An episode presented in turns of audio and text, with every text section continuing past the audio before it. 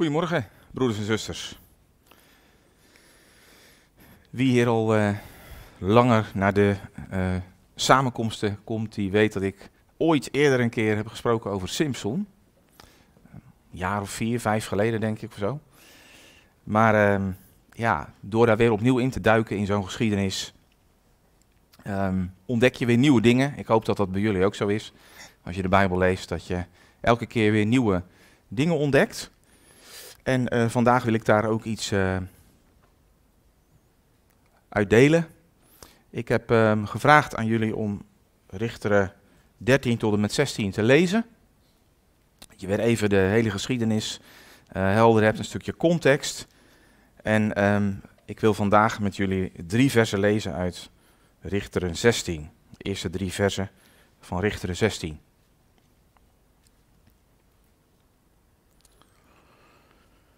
Richter 16, vers 1. Simson ging naar Gaza en zag daar een vrouw die een hoer was. En hij ging bij haar binnen. En de inwoners van Gaza werd gezegd: Simson is hier gekomen. Ze omsingelden hem en loerden heel de nacht op hem in de stadspoort. Ze hielden zich echter heel de nacht stil, want ze zeiden: Tot aan het morgenlicht, dan zullen we hem doden. Maar Simson bleef tot middernacht liggen. En toen, te middernacht, stond hij op, greep de deuren van de stadspoort met de beide posten en trok ze los, met grendel en al. En hij legde ze op zijn schouders en droeg ze omhoog naar de top van de berg die tegenover Hebron ligt. Tot zover. Ik wil beginnen om een stukje context even te geven aan uh, wat hier gebeurt. En daar gebruik ik altijd een zaag bij. Ik ben altijd een beetje van de plaatjes. Een zaag met punten. En als je het boek Richteren leest en tot je door laat dringen wat daar gebeurt, dan moet ik denken aan een zaag. Hè, met toppen en dalen. En ook dat patroon dat het steeds weer terugkomt. Nou, dat zie je heel duidelijk in, uh, in Richteren gebeuren. Dat het volk uh, begint bij God. Hè, de tijd dat Jozua nog uh, leefde en mensen hem nog gekend hadden. Toen ging het goed. Je zou zeggen, dan zat het aan de top. En uiteindelijk ging het naar beneden. Um, gingen ze um, ja, contacten aan met de volken waarvan God had gezegd: dat zijn jullie vijanden, daar moeten jullie geen contact mee, mee maken. Nog sterker, je moet ze zelfs verdrijven. En dat gebeurde dus niet. En vervolgens ging het volk ook steeds vaker de afgoden van die volken dienen. En ja, dan greep de Heer in, helemaal op in het dal, zeg maar, op de, in de, op de bodem van de put, een geestelijke put. En dan riep dat volk tot de Heer, want er waren vijanden gekomen die, uh, die binnenvielen of die de oogst uh, weghaalden, uh, het land onveilig maakten. En dan kwam er een richter en die gaf het volk weer leiding. En ja, dan verdween dat gevaar. En kwamen ze eigenlijk weer bovenop de top. En dan na verloop van tijd zie je ze weer naar beneden duiken. Elke keer die zaagtand. Een hele bizarre periode, die richtere periode. Je ziet dat er staat um, dat een ieder recht deed wat ja, goed was in zijn eigen ogen. Dat lezen we een aantal keer in Richteren. En in hoofdstuk 13 van Richteren, dus het begin van de geschiedenis van Simson, dan lees je ook voor de zevende keer, de Israëlieten deden opnieuw wat slecht was, hè, wat kwaad was in de ogen van de Heer. Nou, als je uh, een boek, een Bijbelboek zou zoeken waarvan je zegt van, uh, wat is het patroon van menselijk gedrag? Nou, dan is dat denk ik ook wel Richteren. Tegelijkertijd moet ik erbij zeggen, uh, wat kun je ook in dit Bijbelboek goed zien, dat de Heer trouw is. De Heere gaat door en de Heere geeft steeds weer opnieuw hulp. Maar tot een echte, ja, definitieve gedragsverandering komt het niet. Het zijn steeds oplossingen van tijdelijke aard. En uh, ja, ik denk dat we het geheim daarvan wel kennen. Hè. Gedragsverandering begint bij hartsverandering. Dat is bij uh, het volk Israël zo. Ik zou daar veel teksten van kunnen noemen waar dat staat ook. Hè, ook met betrekking tot de toekomst, als het volk Israël tot bekering zal komen. Denk bijvoorbeeld aan uh, de door het doodsbeenderen, Ezekiel 37. Ze komen tot leven en zullen daarna ook voor de Here leven. Eerst het hart en dan het gedrag. Maar het is voor ons niet anders. Dat, uh, ja, dat verandering van ons gedrag begint bij verandering van ons hart. Dat God in ons leven ingrijpt. En dat heeft hij gedaan ook toen we tot geloof kwamen. Nou, Simpson is een bijzondere richter om meerdere dingen. Hij is bekend, hè, zijn kracht. Zelfs mensen die uh, de Bijbel verder niet kennen, kennen Simpson. Hè, een leeuw die hij uiteentrekt, uh, touwen die hij uiteentrekt, poorten die hij op zijn rug neemt. Nou, we hebben het net gelezen. Um, pilaren die uiteindelijk worden omgeduwd. Simpson en zijn kracht. Een tweede waarom hij bekend is, is het feit dat hij een Nazireër was. Je leest in hoofdstuk 13, als zijn geboorte wordt aangekondigd, dat hij ook een Nazireër zal zijn. Iemand die afgezonderd was voor de Heer. En als je in Nummerie leest, Nummerie 6, dan lees je daar ook de wetgeving over, over Nazireërschap. Maar wat nou bijzonder is, bij Nazireërschap ging het eigenlijk altijd om iemand die ja, bij zijn volle bewustzijn eigenlijk de keuze maakte om de Heer voor een tijd lang uh, ja, op een bijzondere manier te dienen, eigenlijk andere dingen te laten liggen en helemaal afgezonderd uh, te willen zijn voor, voor de Heer. Dat was een keus. En er was ook wetgeving voor. En dat kon ook weer stoppen, die periode. Maar Simpson die is Nazireër vanaf zijn geboorte geweest hè, tot aan zijn dood.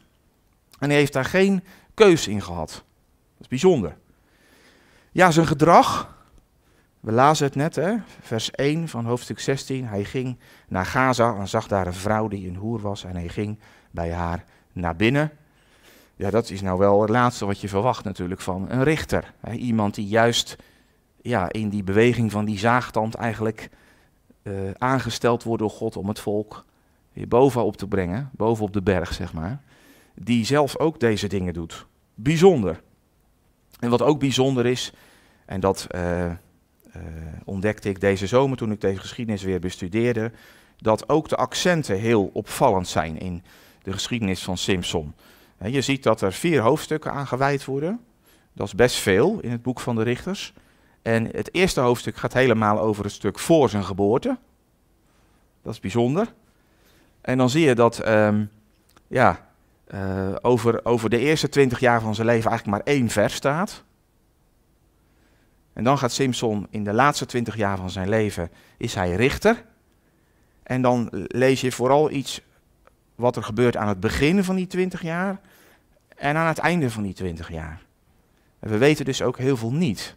Nou, wat zo interessant is als je de Bijbel bestudeert, is dat, um, dat de Heer ook door, uh, door dit soort accenten ons iets wil zeggen. Hè? Hoe, hoe vaak gaat het ergens over? En waar gaat het minder over? Waar gaat het meer over? Nou, dat is een, uh, een, uh, een wereld apart. Nou, in de tijd dat Simpson optreedt, zijn de Filistijnen um, in het land. En ze heersen 40 jaar over Israël. Dat zie je in hoofdstuk 13, vers 1 ook staan. Hè?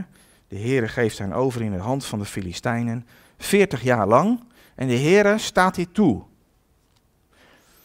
En um, ja, je zou kunnen zeggen, dit is de opvoeding van de puber van God.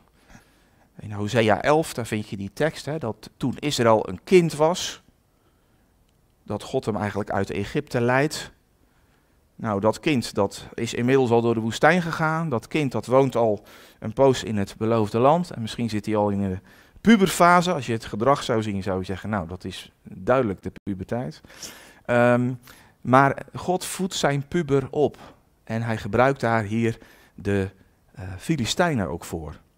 Alleen die vijand, die wordt gebruikt, maar die kan niet ongelimiteerd zijn gang gaan. En dat uh, lezen we heel mooi in deze geschiedenis, dat Simpson wordt ingeschakeld om het tegen de Filistijnen op te nemen. Hoofdstuk 13, vers 5. Hij zal beginnen, hè, dus een begin maken, om Israël te verlossen uit de hand van de Filistijnen. Daar is Simpson voor geboren. Daar is hij Nazireër voor geworden. En uh, ja, dat is eigenlijk best wel een heel spannend scenario als je dat realiseert. Kijk, wij kennen al vanaf kind zijn, als je met de Bijbel bent opgegroeid, de verhalen van Simpson. En dan, ja, dan is die kracht van Simpson, dat ligt nogal op de voorgrond natuurlijk, van wat hij allemaal kon. Maar eigenlijk is het een heel spannend scenario. Simpson die het gaat opnemen tegen de Filistijnen. Want die Filistijnen waren een supersterke tegenstander. Je kunt daar dingen over lezen eh, uit die tijd. Ehm, de Filistijnen waren een volk van vechtersbazen, hadden uh, wapens, wisten hoe ze ook goede wapens konden maken. Ze woonden aan de kust, konden zich laten bevoren aan de zee, hadden eigenlijk maar aan drie kanten land waar ze op moesten letten hè, als ze aangevallen wilden worden. Um, en ze konden eigenlijk vrij ongehinderd hun gang gaan, die Filistijnen. En Simpson, ook nog eens wat, hij was een richter uit een hele kleine stam, uit de stam van Dan. Een stam die eigenlijk weinig te vertellen had. Als je in het boek van de richters leest, dan uh, krijg je ook een indruk van hoe dat ook een beetje lag tussen die stammen. Hoe uh, grote stammen zoals Manasse, Ephraim, Juda ook een soort wedijver soms hadden naar elkaar toe. Nou, de stam van Dan was een heel kleintje. En daar kwam dus, uitgerekend daar vandaan, kwam dus de nieuwe richter. Hoeveel gezag zou dat geven? En het derde, wat nogal spannend is, is. Simpson had eigenlijk helemaal niet geboren kunnen worden. Want zijn moeder, althans de vrouw hè, die zijn moeder was, was onvruchtbaar. Zij kon helemaal geen kind krijgen. En uh, even tussendoor, het feit dat zij geen kind kan krijgen, onvruchtbaarheid, is eigenlijk al een soort indicatie hè, over wat er in die tijd aan de hand is. Je leest heel mooi in Deuteronomium 7, in de tweede wetgeving, dat daar staat dat als het volk gehoorzaam zal zijn aan de Heer, dan zullen ze zegen ontvangen. En een van die zegeningen is vruchtbaarheid voor het land, bij de dieren, ehm, maar ook bij de mensen. Dus een spannend scenario. Je zou zeggen, nou, een beetje onmogelijk ook wel. Maar eigenlijk moet je dan op het puntje van je stoel gaan zitten. Want, weet je, um, het zal niet de eerste keer zijn dat de Heer door het onmogelijke heen, door dat wat wij niet zo voorstelbaar vinden of spannend vinden, dat Hij daardoorheen ook werkt. Gods woord is daar vol mee. En het is ook bijzonder ja, spannend om zo eigenlijk Gods woord te lezen van... Waar zitten die momenten dat je denkt van nou, ja, dit is eigenlijk een onmogelijke, onmogelijke zaak. Nu zit het uh, vast, zeg maar. Maar de Heer gaat altijd verder, ook als het naar ons idee vast, vastzit. Onvruchtbare vrouwen die een rol spelen in de vervulling van Gods plan. We kennen daar de voorbeelden van. Sarah, Rebecca, zo zou ik door kunnen gaan. Voor God is niets te wonderlijk. Hè? Zelfs, nou laten we het grootste wat wat hij heeft gedaan dan gelijk noemen. Zelfs leven uit de dood. Hè. Christus stond op uit de dood. En dat is mooi, we hebben het hier natuurlijk over het volk Israël, maar ook wat betreft de toekomst mogen we ook voor hen uitzien naar hun bekering, naar hun geestelijk herstel, maar ook het herstel van, van het land. En dat zal zijn, hè, zegt Paulus in Romeinen 11, als leven uit de dood. En ook voor onszelf, als we de Heer Jezus mogen kennen, dan zijn we vanuit de dood levend geworden. Efeze 2 bijvoorbeeld. toen we dood waren in zonde en misdaden, er wordt een heel rijtje bij genoemd. En toen heeft God ons levend gemaakt met Hem. Uit genade zijn we zalig geworden. Van dood naar leven. Voor God is niets te wonderlijk.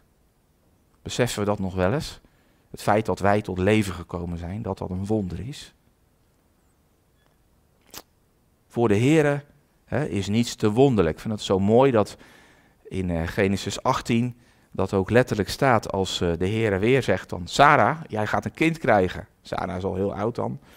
En dan, dan staat daar die prachtige tekst, zou voor de Heere iets te wonderlijk zijn.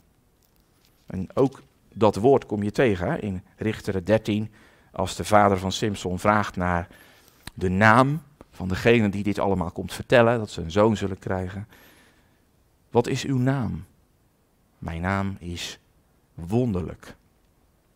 Nou, ook in de geschiedenis van Simpson, en dat heb je kunnen lezen weer als je de hoofdstuk hebt doorgenomen, zie je dat sterke vijanden kansloos zijn als de Heer aan het werk gaat. Als de Heer strijdt, zijn de vijanden kansloos. En ehm, in hoofdstuk 14 en 15, daar lees je dat de Heer de, dat die Simpson in contact gaat brengen met de Filistijnen. Op een beetje bijzondere manier. hoofdstuk 14, vers 4. Merk je dat zijn vader en moeder ook wel een beetje in verwarring zijn, dat het op deze manier moet. dat ze dat ook niet doorhebben, dat het daarom draait als Simpson verliefd wordt op een meisje, een Filistijns meisje. En uitgerekend met dat meisje graag wil trouwen. Vader en moeder zeggen ja van, eh, Simpson is dit wel eigenlijk de, de goede route, zeg maar. Maar de Heere gaat hem in contact brengen met de Filistijnen. En wat, wat je dan ziet gebeuren, als ik het helemaal samenvat, dan zie je eigenlijk een soort domino-effect ontstaan, waarin de Filistijnen wat doen, Simpson reageert, zij reageren hij reageert weer en zo gaat het eigenlijk verder. En uiteindelijk die, die supersterke Filistijnen, die eigenlijk altijd de regie konden hebben als er oorlog gevoerd moest worden, die uh, raken gewoon de regie kwijt. En aan het einde van hoofdstuk 16, daar zie je dat, uh, dat de, de top van de Filistijnen van dat moment, de, de leiders, maar ik denk ook de geestelijke leiders die daarbij waren in die tempel in Gaza, dat die allemaal gedood worden. Dus een ja, domino-effect wat uiteindelijk eindigt in die tijd bij dat de Filistijnen in de val lopen. In hoofdstuk 16, de vers die we net gelezen hebben, daar komen Simpson tegen in Gaza. En Gaza was een van de bolwerken van de Filistijnen. Ze hadden vijf steden die ook nauw samenwerkten met vijf koningen. En Gaza was een van die steden. En ehm, van Gaza weten we dat daar in die tijd ook reuzen woonden. Enakieten. En die hadden een imago uh, waar ja, iedereen tegen opkeek. De reuzen van Gaza, hè, vooral de Enakieten. Um, reusachtige mannen. Die niet alleen qua lengte heel groot waren, maar ook nog eens in, ja, in slagkracht. Hè, maar ook in hun relatie tot het demonische, uh, het duivelse. Grote jongens waren. En die inwoners van Gaza die voelden zich bijzonder veilig in hun stad. De naam Gaza betekent vesting of sterkte. En ze hadden een uh, sterke muur, een sterke poort. Dat blijkt ook uit opgravingen. En als jij een, een sterke muur, maar nog sterker, hè, of nog meer, een, sterke poort hebt, hè, dan, ben je, ja, dan ben je sterk. Dan kun je de zaak beheersen. Wie er binnenkomt en wie er naar buiten mag. Een poort. Dat is macht. Alleen, ja, Simpson is in de stad en opeens gaat alles anders. De Filistijnen die besluiten om dit moment aan te grijpen, om hem te vangen en om te doden. Ze willen tot de morgen wachten. Maar ja, te middernacht, dan uh, besluit Simpson dat het uh, zijn moment is. En hij gaat op die poort af en rukt de poorten met de posten eromheen en de grendel Hè, rukt hij eruit. Ja, feitelijk is dit een overwinning voor die hele stad. Met een poort kun je macht uitoefenen en zonder poort is je macht gebroken. Wat heb je aan sterke muren zonder een poort? Niets. En um, dat is wel mooi. Ik zat nog te zoeken naar het woord grendel, waar je dat nog meer tegenkomt in, in de Bijbel. En een van de plekken waar ik dat ook vond was in Psalm 147. Dan gaat het over Israël, over de zegen van de Heer voor zijn volk Israël. En dan staat er onder andere hè, de zegen dat je, ja, de grendels van je poort, hè, dat, dat is dus veiligheid. Bij de Filistijnen was die weg. En hij maakt de Filistijnen hiermee nog banger dan ze al zijn. Je zou kunnen zeggen, psychologische oorlogvoering. En ongetwijfeld hebben ze die poort wel weer hersteld, misschien nog sterker dan daarvoor. Dat weet ik niet. Maar ik neem aan dat daar weer wat nieuws ingehangen is. Maar de vraag die voor ons overblijft is: wat gebeurt er nou met die oude poort? En wat gebeurt er nou met al dat hout wat Simpson op zijn schouders heeft getild? Nou, dat brengt hij naar Hebron. En um, als je realiseert dat dat 60 kilometer, ruim 60 kilometer verderop was, dan moet de eerste vraag eigenlijk zijn in ons hoofd nu van, waarom zo ver? Ik bedoel, als die ze 30 meter verder had neergegooid, waren wij denk ik ook tevreden geweest, toch? Vertoon van de macht van God, poort eruit, Filistijnen overwonnen. Maar hij neemt ze mee 60 kilometer verderop. En legt ze daar neer op een bergtop in het zicht van de stad Hebron. Ja, en dat zijn dingen die mij dan een beetje kietelen als ik dat lees. Dat ik denk van, daar wil ik meer van weten. Hebron, laten we daar beginnen. Hè, de woonplaats van Abraham. Je zou kunnen zeggen, daar begon het eigenlijk. Hè, met het volk Israël. De plek waar Abraham het langst heeft gewoond. Waar hij een altaar bouwde voor de Here. Waar de graven ook waren. Hè, van een aantal aartsvaders. Uh, de eerste plek waar Abraham een lap grond kocht, was bij Hebron. Je zou kunnen zeggen, als je het allemaal samenvat, Hebron was de plek hè, van de, die verbonden was met de belofte voor het volk Israël. Daar kan ik niks anders van maken. Abraham, hè, de, de vader van Israël, en Hebron, de plek hè, waar, waar die beloften door God worden gedaan. En eigenlijk, ja, dat is een combi. De naam Hebron heeft ook een interessante betekenis. Hè, verbond of broederschap. Ja. Hebron.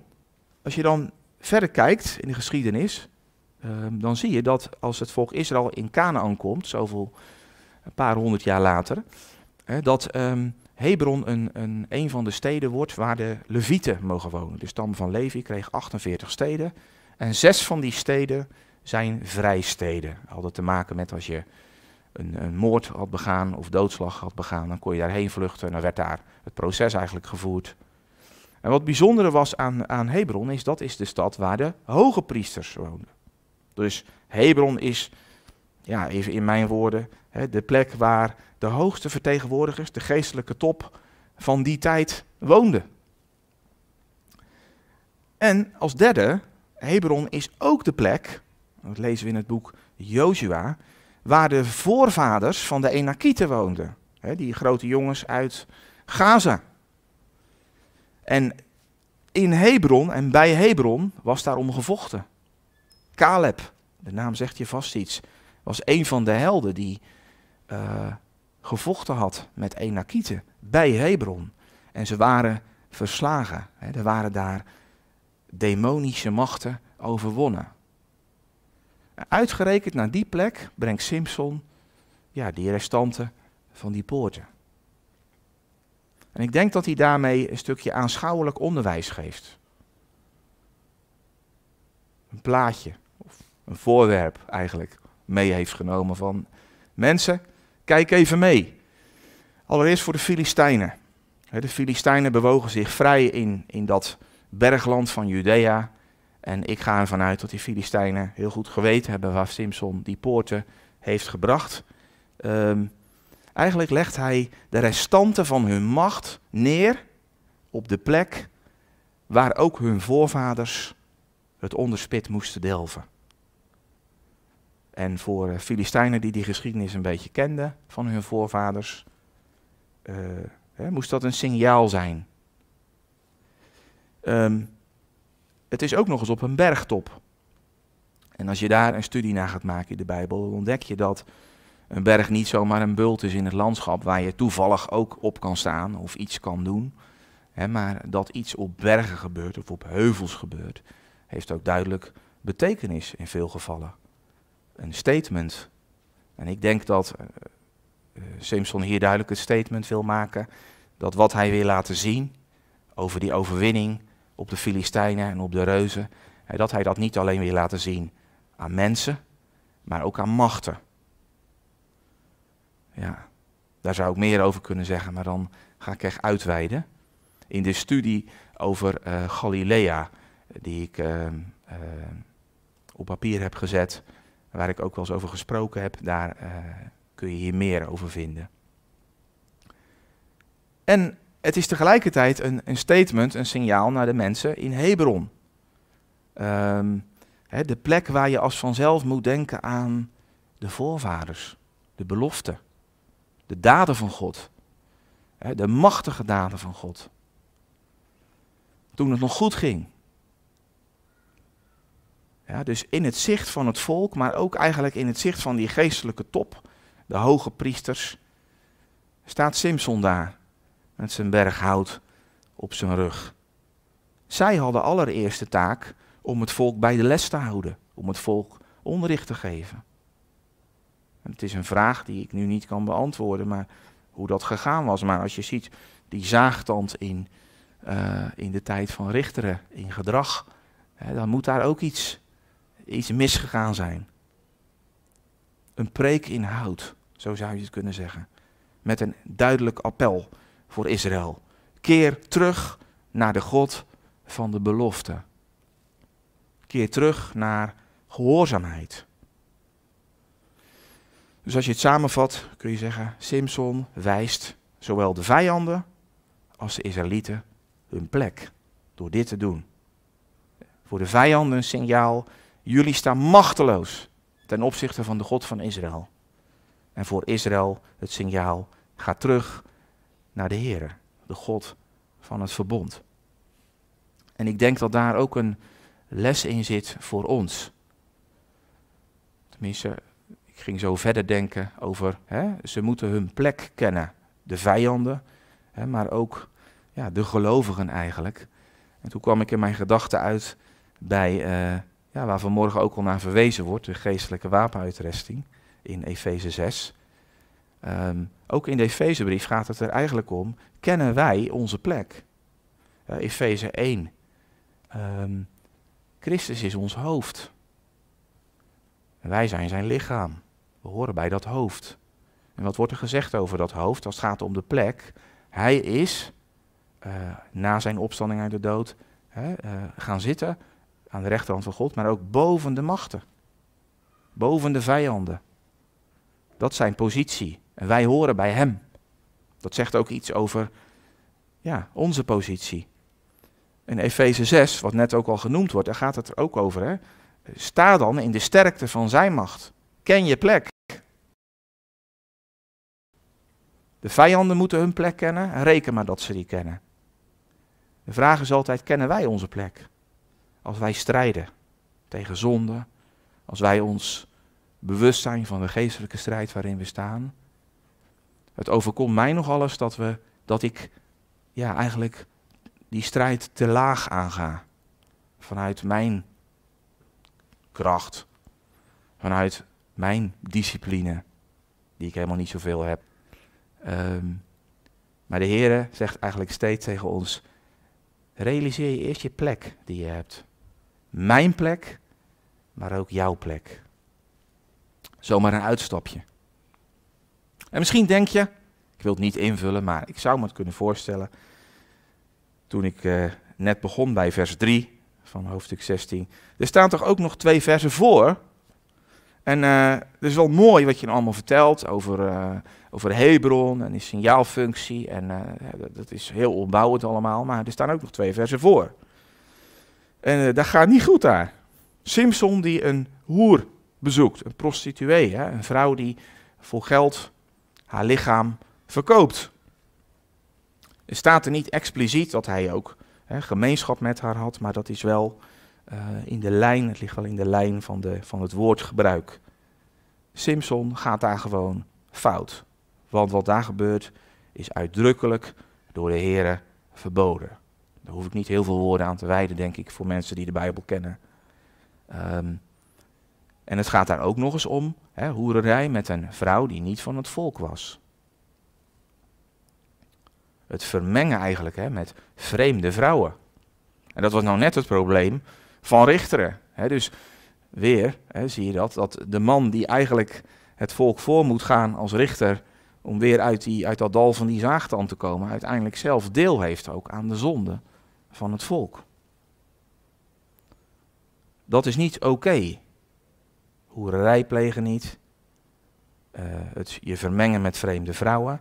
maar dan heb ik het nog niet over de schade ook.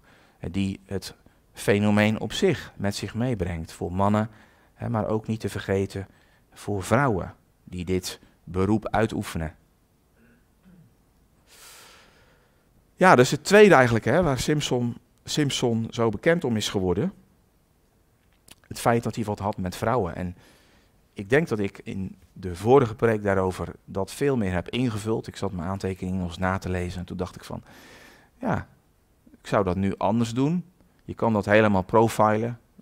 Hè, want uh, zijn lust en zijn zwakte. En, maar eigenlijk weten we heel weinig op termijn van zijn hele leven hoe dat ja, in verhouding stond tot elkaar. Simpson was twintig jaar richter. En dit zijn twee, dit zijn momenten uit, dat, uit die tijd van dat richterschap. Dus ik wil daar niet te grote woorden over spreken, hoe dat allemaal psychologisch en zo allemaal zat in zijn leven. Maar ik wil wel even stilstaan bij de vraag um, die je misschien wel hebt. Hoe, hoe kan dat dan? Kan hij dan wel een echte dienaar zijn van de Heer? Ik bedoel, ja, dat is toch niet oké? Nou, lees met, even met me mee in Hebreeën 11. Hebreeën 11, vers 32 eh, en 33. Daar komt ook de naam van Simpson voor. Hebreeën 11, vers 32 en 33. Wat zal ik nog meer zeggen? De tijd ontbreekt mij om te vertellen over Gideon, Barak, Simpson, Jefta, David, Samuel, al de profeten. Ze hebben door het geloof koninkrijken overwonnen, gerechtigheid in praktijk gebracht, beloften verkregen, muilen van leeuwen gesloten. Ja, dat gaat dus ook over Simpson. En dat van die muilen van die leeuwen, dat, dat zit wel goed, toch? Dat snappen we wel. Maar ook die dingen die daarvoor staan. Door het geloof. Koninkrijken overwonnen. Gerechtigheid in praktijk gebracht. Belofte verkregen. En als je dat helemaal in de context van Hebreeën 11 ziet, dan zou je kunnen zeggen: Simson zag uit hè, naar de komst van Gods koninkrijk. De tijd, ja, even in mijn woorden, dat de Heer de dingen recht gaat zetten hè, in deze wereld. De tijd dat de Heer de dingen op zijn plek gaat zetten. En Simpson zag daarnaar uit. En dat uitzien daarnaar, dat bepaalde ook zijn handelen, blijkbaar. Dat zegt Gods woord. En daarom zou ik als eerste willen zeggen, laten we oppassen om mensen zomaar te beoordelen hè, op wat wij zien, wat wij waarnemen. De Heere ziet het hart aan. 1 Samuel 16, vers 7, daar staat dat, hè, dat de mens ziet aan wat voor ogen is, maar de Heere ziet het hart aan. Ehm, en blijkbaar leefde er in dat hart van Simpson meer dan we weten. Ja. En dat geldt voor ons ook, hè? De Heere ziet ook ons hart aan. Mijn hart, jullie hart. En dat kan heel ja, beschamend zijn. Gedachten die er in je hoofd kunnen zijn. Terwijl je misschien met het woord van God bezig bent. Het overkomt mij, misschien jij ook wel. Jou ook wel. Um, ik moest denken aan, aan, aan de zonde die Simpson hier begaat. Hè, in Matthäus 5, hè, daar staat, zegt de Heer Jezus bijvoorbeeld, hè, wie, een, vrouw al aanziet om haar te begeren, die doet al overspel. En staat daar in een, in een context van uh, ja, mensen die, die kijken vaak naar het concrete fout die wordt gemaakt. Maar God kijkt net een laagje dieper. Dus dat kan heel beschamend zijn, dat de Heer ook nu ons hart aanziet. En tegelijkertijd kan het ook heel bemoedigend zijn. Want wij kunnen een enorme denkfout maken over elkaar. Ehm, en soms heb je misschien wel eens het gevoel van ja, wie, wie begrijpt me nou echt? Inderdaad, ik maak fouten. Inderdaad, een ander zou wel denken. Ja, maar hoe kan het nou toch? Kom op man. De Heere kent mijn hart en de Heere kent jullie hart. Het kan ook een bemoedigende waarheid zijn. De Heere kent onze strijd. Hij kan het zien hè, in balans. Betekent dat dan, hè, wat ik net zei, laten we niet uh, afgaan op wat we zien? Betekent dat dat je maar raak kan leven? Een beetje open deur natuurlijk deze vraag. Uiteraard niet. Hè. Ik weet niet of jullie Romeinen 6 kennen. Een, mooi, een bekend hoofdstuk meestal wel. Hè. Zouden we dan in de zonde doorleven? Opdat de genade meer zou worden? Nee. God heeft recht op ons leven. En nog sterker, hij zegt niet alleen ik heb recht op je leven, maar hij zegt ook ik heb het mogelijk gemaakt dat je voor mij leeft. Ja, Colossense 3, hè. Dus ik ook aan denken, Indien u dan met Christus bent opgewekt, zoek de dingen die boven zijn. Er worden nog een aantal hele mooie dingen gezegd. En dan in vers 5, dood dan hè, je leden die op de aarde zijn. Dat hoort bij elkaar. God kennen, afrekenen met zonde. En de Heer heeft dat mogelijk gemaakt. Je moet weer denken aan wat ik net zei. Gedragsverandering begint bij hartsverandering. En als de Heer iets verandert in ons hart, dan doet hij het goed. Dat is wel een strijd, hè, maar het is een strijd uh, met hem. Simpson heeft dat ook meegemaakt. Veel ellende door de keuzes die hij maakte. Het heeft hem uiteindelijk zelfs zijn ogen gekost. En even in een groter perspectief, hij heeft ook niet het volk waarover hij richter was terug kunnen brengen bij dat hart van God. Hij heeft problemen opgelost. Maar geen oplossing voor het diepste probleem. Ik denk dat we deze geschiedenis van Simpson tekort doen als we zo'n passage als hoofdstuk 16 afdoen met, ja, dat is een, een zwarte bladzij uiteindelijk uit het leven van Simpson. Ik denk dat er in heel deze geschiedenis meer factoren meespelen waar we op moeten letten. En die het eigenlijk in een groter ja, perspectief plaatsen wat hier gebeurt. Ook het gedrag van Simpson. Hij is namelijk een instrument door de Heer aangesteld voor zijn volk Israël. Ja? En de Heer gaat hem inzetten als richter om de Filistijnen aan te pakken. We hebben het net gelezen, die tekst. Um, de Heer laat hem op een hele merkwaardige manier in contact komen met die Filistijnen. Dat zelfs zijn gelovige ouders zoiets hebben van, maar dit kan vast niet de goede manier zijn. Um, natuurlijk kon Simpson keuzes maken. En tegelijkertijd, ik vind het ook wel misschien, ik vind het een lastig thema om het zo te zeggen, maar ik deel maar gewoon mijn gedachten. Tegelijkertijd ademt deze geschiedenis iets van, het moet zo gaan. Dus hij kon keuzes maken. Laten we dat helder houden. En tegelijk ademt deze geschiedenis iets van, het moet zo gaan. Dat Simpson verplicht Nazireër is. Dat is bijzonder. En ook dat hij kon beschikken over die enorme kracht van de geest. dat onderstreept dat eigenlijk. Nou, in, hoofdstuk, in uh, vers 3 van hoofdstuk 16, daar heb ik natuurlijk net uitgelegd dat daar een hele mooie signaalfunctie in ligt. Hè, in dat uh, neergooien van die restanten van die poort bij Hebron. En um, ja, dat is mooi. Misschien vond je dat ook mooi om dat zo te realiseren, dat dat de betekenis daarvan is. maar ik zou dat ook graag willen doortrekken naar die twee versen daarvoor, die signaalfunctie. um, um, want wat Simpson doet, is ook een signaal in het groot. Eigenlijk van wat dat volk zelf ook doet ten opzichte van de Heer. Um, heel het volk, hè, Israël, is bestemd hè, als vrouw om vrouw van de Heer te zijn. Zo wordt dat genoemd. En de relatie met Israël wordt ook door de Heer op zoveel plekken ook beschreven als een huwelijksrelatie. En zonde hè, wordt heel duidelijk, krijgt het etiket ontrouw of hoererij. Nou, de profeten spreken daar duidelijke taal over. En ook vorige week in de preek, hè, ging het daarover bij het, uh, het gedeelte over de overspelige vrouw. Wat de Heer Jezus dan in het zand schrijft en eigenlijk ook iets groters aan wil wijzen.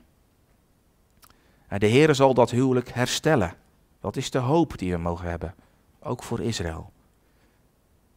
Maar je ziet dus dat wat Simpson doet een plaatje is ook, ook die fout, voor wat er ook in het groot gebeurt. Dus, als ik het samenvat, de eerste drie versen van hoofdstuk 16, zou je kunnen zeggen, in een notendop vind je daar ja, het probleem van Israël en ook de oplossing voor Israël. Ze zijn gewijd aan de Heer, uit alle volken uitgekozen. Um, ze zijn ontrouw geworden, een prooi voor de vijanden. Je kan de geschiedenis ernaast leggen. En ze moeten terug naar de Heer. En ze zullen ook terugkomen bij de Heer. En de vijanden zullen uiteindelijk het onderspit delven. Ik wil afsluiten met, ja, de grote schat ehm, die je altijd weer tegenkomt in de Bijbel. We zijn thuis ook weer een uh, gezinsproject aan het doen. En uh, proberen ook met, uh, met Jire wat, wat te praten over de Bijbel. En we hebben al laten vallen zo van in de Bijbel is een grote schat verborgen. Nou, dat was voor haar ook gelijk duidelijk. Dat was de Heer Jezus. Dus dat was mooi dat ze dat gelijk begreep. Maar hè, zo kun je overal in de schrift de Heer Jezus Christus, hè, de Messias van Israël, vinden. En ook in de geschiedenis van Simpson is dat zo. In het algemeen, hè, denk aan zijn, uh, ik weet niet of je hoofdstuk 13 wel eens hebt bestudeerd, de manier hoe zijn geboorte wordt aangekondigd, hoeveel parallellen daar ook zitten met de geboorteaankondiging van de Heer Jezus. Um, Simpson was uiteindelijk degene die door zijn dood, hè, het eind van hoofdstuk 16, door zijn dood verlossing bewerkt. Ja, nou een prachtige parallel naar wat de Heer Jezus ook doet. En ook zijn naam, hè? Schitterende zon betekent zijn naam. Nou, en zo zijn er meer dingen te noemen. Um, ik zie het als een uitdaging om daarna op zoek te gaan.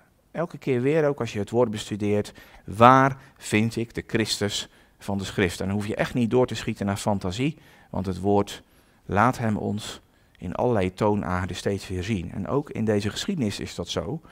Een prachtige parallel eigenlijk, zowel voor tegenstanders hè, als voor gelovigen.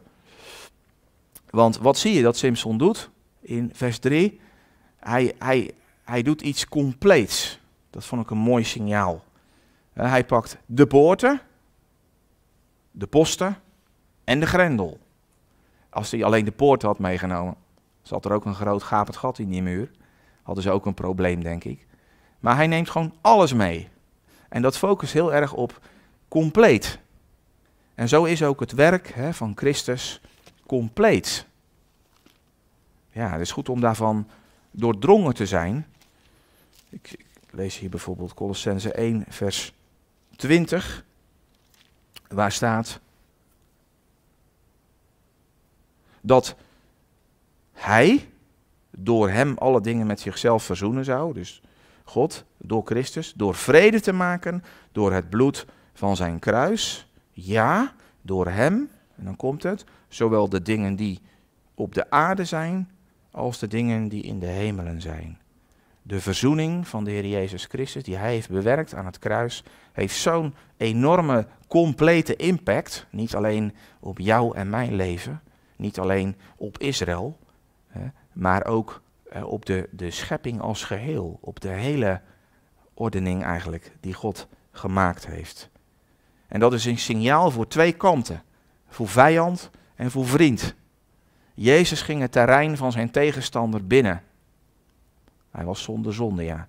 Maar je ziet dat hij aan het begin van zijn bediening naar Galilea gaat. Ook daar heb ik een keer eerder over gesproken. Wat dat eigenlijk betekende. Hij ging dat terrein binnen. Maar ook door zijn dood ging hij opnieuw het terrein van de tegenstander binnen. En door zijn dood en opstanding ontwapende hij zijn tegenstander. En hij nam de plek in, boven al die machten. Hij is overwinnaar. Dat is duidelijk. En hij werd het hoofd van zijn gemeente. Hij werd ons hoofd. Degene met wie wij verbonden zijn. En hij kreeg de naam boven alle naam. Filippenzen 2. Ja. Satan die wil ons nog wel eens pakken met de tactiek van de psychologische oorlogvoering, denk ik. Zo van, hé, uh, hey, je bent zwak. Joh, stop toch met vechten. Het wordt niks. Dat God alles in de hand heeft, dat hij overal boven staat, vergeet het. maar het is goed voor ons om ook helder te houden met Christus zijn we niet overgeleverd aan de duisternis. En staan we sterk. In welke strijd dan ook. Is dat de persoonlijke strijd die we moeten strijden, soms tegen dingen in ons leven. Of als het gaat om de strijd die ook Israël nog zal moeten strijden, die er ook zal gestreden worden voordat de Heer Jezus terugkomt. Ehm, in welke strijd dan ook. In Hem is kracht. En dan mogen we ook zeggen, we mogen vertrouwen hebben in de goede afloop. Hij heeft het laatste woord. God blijft getrouw. Ook als wij falen. Ja? En dat noemen we genade. Ik wil graag nog kort met jullie bidden.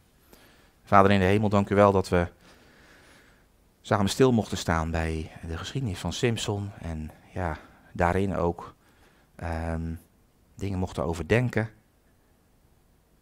Signalen die we krijgen van de impact van zonde. Maar ook uw kracht. En ja, we hebben het een paar keer gezegd. Het is belangrijk dat we weten wat de plek van iets is. Dat de vijand weet wat zijn plek is. Maar ook dat wij het weten. De plek die we mogen hebben als we bij de Heer Jezus Christus horen. De plek die Hij heeft ingenomen. Heren, dat, dat te weten, dat te geloven en daarop te vertrouwen, dat geeft moed ook om door te gaan. U kent ons, u weet welke strijd wij moeten strijden. U kent ons leven.